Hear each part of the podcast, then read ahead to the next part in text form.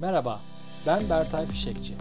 Ofisin Şifreleri podcastında çalışan bağlılığı, ekip liderinin zorlukları ve beceri gelişimi, kariyer yolculukları ve ofis dünyasının şifrelerini çözme hakkında konuşuyor, bazen de konuklarımı ağırlıyorum. E, merhaba, hepiniz hoş geldiniz. Bu akşam LinkedIn sesli toplantısında, sesli buluşmasında ekip yönetimine yeni başlayacaklar için yapılacaklar listesi adında bir başlıkla e, bir oturum başlattım. E, çok teşekkür ediyorum. Şu anda 31 kişi izliyor, dinliyor. E, ama katılım çok güzel. Çok teşekkür ederim. Daha sonra hemen konuşmak isteyecekler olacak olacağını da mutlaka öngörebiliyorum. Şimdi önce şuradan başlayayım. Ekip liderliğine başlama sürecinde ülkemizde ya da çoğu şirkette çok fazla vakit olmuyor. Hani e, bir bana izin verin, bir hazırlanayım bu ekip liderliğine gibi bir durum olmuyor. Ve birçok şirkette özel bir eğitim de olmuyor. Yani benim eğitimlerimden biri örneğin tamamen bu konu üzerine. Yani ekip liderliği 101 gibi düşünülebilecek bir eğitim sunuyorum ve bunun gerçekten faydalı olduğunu, doğru yerlere gittiğini görüyorum. Bu listede ben size paylaşacağım listede şöyle bir şey hayal ettim. Yani ekip lideri olacağınız belli oldu veya bir arkadaşınızın ekip lideri olacağı belli oldu.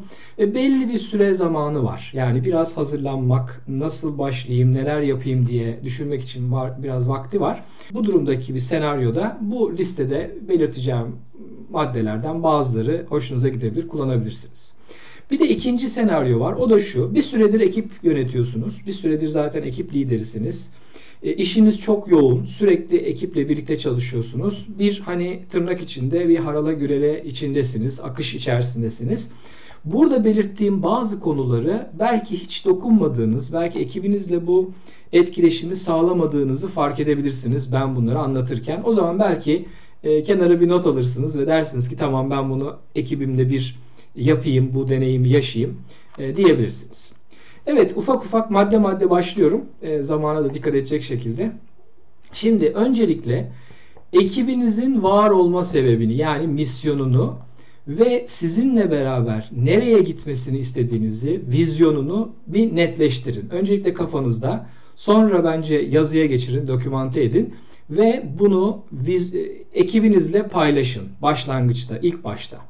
Yani siz oraya geldiğiniz zaman mutlaka tabii ki şirketin misyonu ve vizyonu ve ekibinize ait bir vizyon ve misyon var olduğunu tanımlayarak bunu ekibinizdeki arkadaşlarla paylaşmanızda büyük bir e, büyük bir fayda var. Aynı zamanda bu zaman diliminde kendi misyonunuzu ve vizyonunuzu da güncellemenizi öneririm. Çünkü ben bütün e, profesyonellerin kariyerlerinin her noktasında kendi var olma amaçlarını yazmalarını, bu e, var olma amacıyla bir bağ sağlamalarını ve çalıştıkları işlerle bu misyonu bağlayarak ilerlemeleri gerektiğini inanıyorum ve her zaman hangi işte çalışırsanız çalışın bir B planınız olmadı C planınızın mutlaka cebinizde çekmecede olmasını ve hazır olması gerektiğini düşünüyorum. O anlamda kendi misyonunuzu ve vizyonunuzu da tekrar bu yeni görevinizle beraber güncelleyip bunu da ekibinizle paylaşmanızda büyük bir fayda olduğunu düşünüyorum. Diğer bir maddem ekibinizin bir iletişim rehberini oluşturun. Bunu ekiple paylaşın.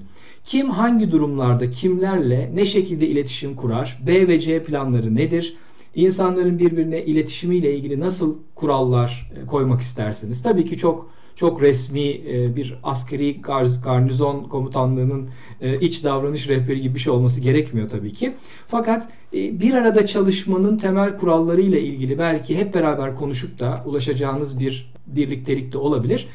İletişimle ilgili temel kuralların hep birlikte anlaşılmasında ben büyük fayda olduğunu düşünüyorum. Diğer bir maddem kendi hikayenizi yazın bence. Nereden geldiniz, nereye doğru gidiyorsunuz? Bu ekip liderliği sizin kariyerinizde hangi aşamada var, nereye denk geliyor ve kendi vizyonunuzu, kendi gitmek istediğiniz yolculuğunuzu da paylaşın ve bu ilk birkaç toplantıda ekibinizle mümkünse kendinizle ilgili kişisel bazı e, detayları, bazı hikayeleri, belki geldiğiniz yeri, belki ailenizin bir özelliğini, belki profesyonel hayatta yapmak istediklerinizle ilgili belli gözlemlerinizi paylaşmanızda büyük büyük fayda var. Bir taraftan kendinizi kırılgan e, ilan etmeniz yani kırılganlığa açık olmanız, kendinizi ifade etmeniz Bir taraftan da gerçekten ekibinizin sizi tanıması açısından e, bunun da değerli olduğunu düşünüyorum. Diğer bir konu öncelikler belirlenmesi. Önceliklerinizi belirleyin.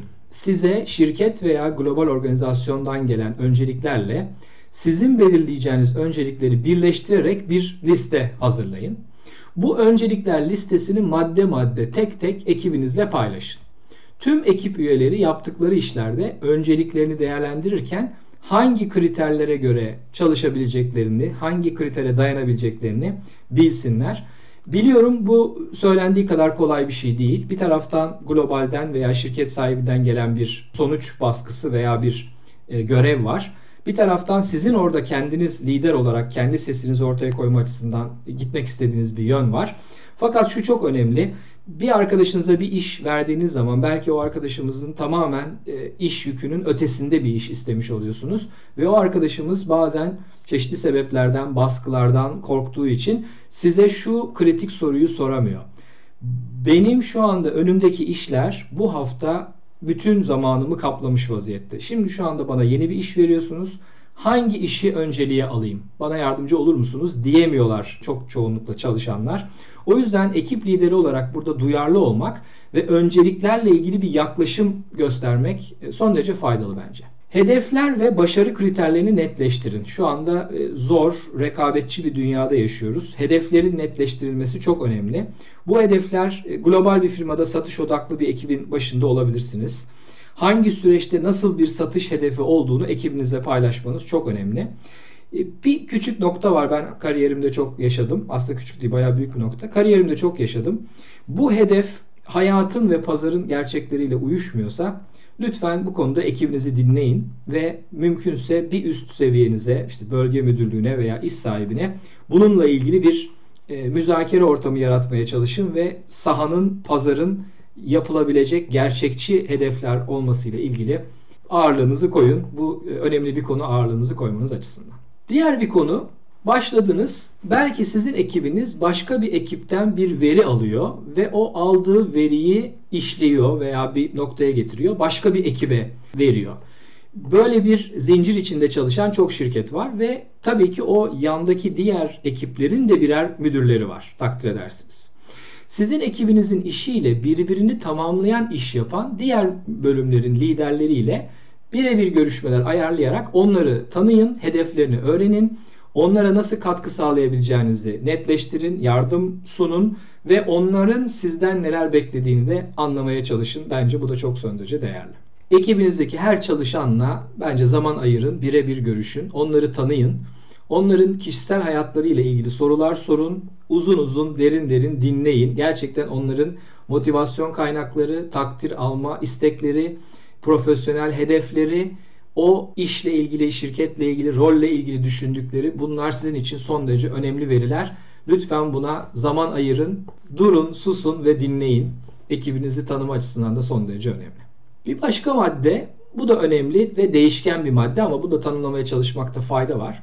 Ekibinize hangi durumlarda size gelebileceklerini, hangi durumlarda sizin onlara ne şekilde destek verebileceğinizi, hangi koşullarda birlikte farklı destek arayabileceğinizle ilgili bir anlayışa gelmeye çalışın. Bu konudaki görüşlerinizde paylaşmanızda fayda var. Çünkü burada da belki bazen ani panik veya stres durumlarında farklı senaryolar ortaya çıkabiliyor.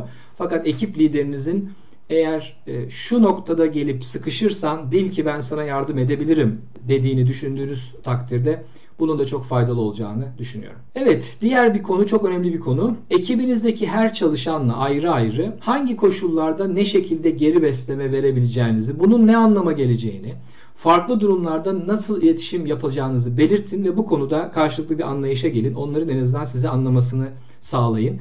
Geri beslemenin e, kişiliğine, ne bileyim insani değerlerine veya ismine olmadığını, davranışıyla ilgili, katkısıyla ilgili, sonuçlarla ilgili ve süreçlerle ilgili olabileceğini ve geri besleme verdiğiniz zaman bunun onun için ne anlama gelebileceğini, mutlaka onun kendi görüşünü söylemesini isteyeceğinizi, artık nasılsa e, kendi planlamanız bu geri besleme diyaloğu ile ilgili bir ön konuşma yapmanıza da büyük bir fayda var. Çünkü geri besleme ile ilgili hep konuşuyoruz.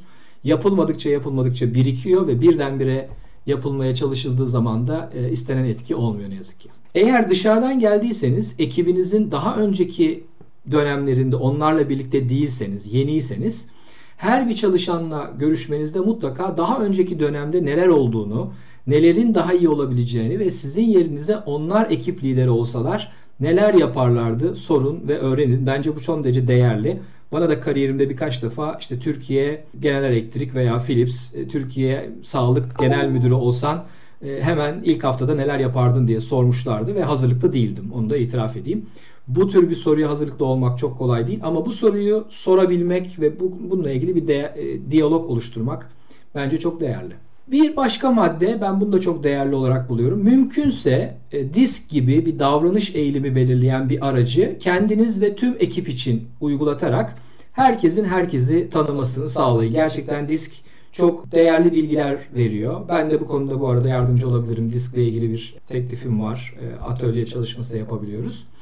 E, gerçekten burada dört tip davranış eğiliminde herkesin renkleri belli oluyor ve insanlar diğer insanlara nasıl yaklaşmalarının daha uygun olduğunu, daha kolay iletişim sağlayabilecekleriyle ilgili gerçekten önemli bilgiler ediniyorlar. Diğer bir madde benim için önemli maddelerden biri e, şeffaflık konusunu biraz deşmenizi, e, tanımlamanızı, bu konuda birazcık sohbet etmenizi öneririm. Hangi koşullarda ne kadar ne şekilde şeffaf olmak istiyorsunuz, olacaksınız? Bu konuda fikirlerinizi paylaşıp arkadaşlarınızın, ekibinizin yorumlarını alıp not etmek e, faydalı ve önemli. E, şeffaflık aynı şekilde kırılganlık ve güvenle birlikte ekip liderliğinin e, önemli bence önemli parametrelerinden bir tanesi. Diğer önemli bir madde hangi durumlarda ne şekilde delegasyon yapacağınızı, hangi kurallarla delege etmekten hoşlandığınızı, hangi durumda hangi özgürlük seviyesinde delege edeceğinizi ve süreci ekibinizle nasıl yürütmek istediğinizi onlarla paylaşın. Bunu yaptığınız zaman onlar da anlarlar ne şekilde hangi işi hangi koşullarda e, alabileceklerini ve bunun onlar için ne anlama geldiğini bilirler. Eğer dilerseniz sonradan bana da ulaşabilirsiniz. Bu delegasyonla ilgili 5 otonomi seviyesiyle ilgili bir blog yazım. Yine bir podcast bölümüm var. Onları da e, sizle buluşturabilirim. Diğer önemli bir konu takdir. Çalışanlarınızın hangi şekillerde takdir edilmek isteyeceklerini keşfedecek şekilde onlara sorular sorun. Nelerden motive oluyorlar? Hangi şekillerde takdir edilmek istiyorlar? Herkesin ortasında kalabalıkta bir övgü, bir ödül almaktan mı hoşlanıyorlar? Yoksa e, farklı şekilde spesifik davranışlarıyla ilgili dokunulmasından, değer görmelerinin hissedilmesinden mi hoşlanıyorlar? Nasıl yani onlar nasıl çalışmak istiyorlar onu e, öğrenmenizde büyük fayda var. Bir tarafta liderlik, ekip liderliği diyoruz. Hizmet eden lider son derece popüler değil mi? Hizmet eden liderlik son derece popüler son dönemde. Bunu e, topluluğa karşı konuşmayla bir metafor olarak söylersem dinleyenler ne duymak istiyor? Dinleyenler neyle ilgileniyorlar? Bu soruyu hep soruyoruz topluluğa karşı konuşma eğitimlerinde. Burada da ekip lideri olarak ekibinizin e, hayalleri, geçmişleri, profesyonel hedefleri, takdir görme biçimleri, motivasyon kaynakları bunları böyle iğneyle kazıp bulmanız, bunlarla ilgili zaman ayırmanız ekip lideri olarak başarınızı çok yükseltecek. E, son bir maddem şimdilik bir ödül sistemi varsa eğer ekibinizle ilgili veya şirkette bunun kurallarını ve koşullarını mümkünse önceden açıklayın ve hangi durumlarda yardım edebileceğinizi e, yine arkadaşlarınıza iletin. Bu tamamlanmış bir liste değil bu arada. Çok net olarak onu söyleyeyim. İçinde bence değerli maddeler var. Eğer e, ekip lideri olmak üzere bir rolünüz varsa veya rolünüz değişiyorsa veya bir süredir ekip lideriyseniz ve bunların bazılarına henüz dokunmadıysanız e, değerli olabileceğini düşünüyorum. Umarım e, beğendiniz, umarım hoşunuza gitti. Çok teşekkür ediyorum.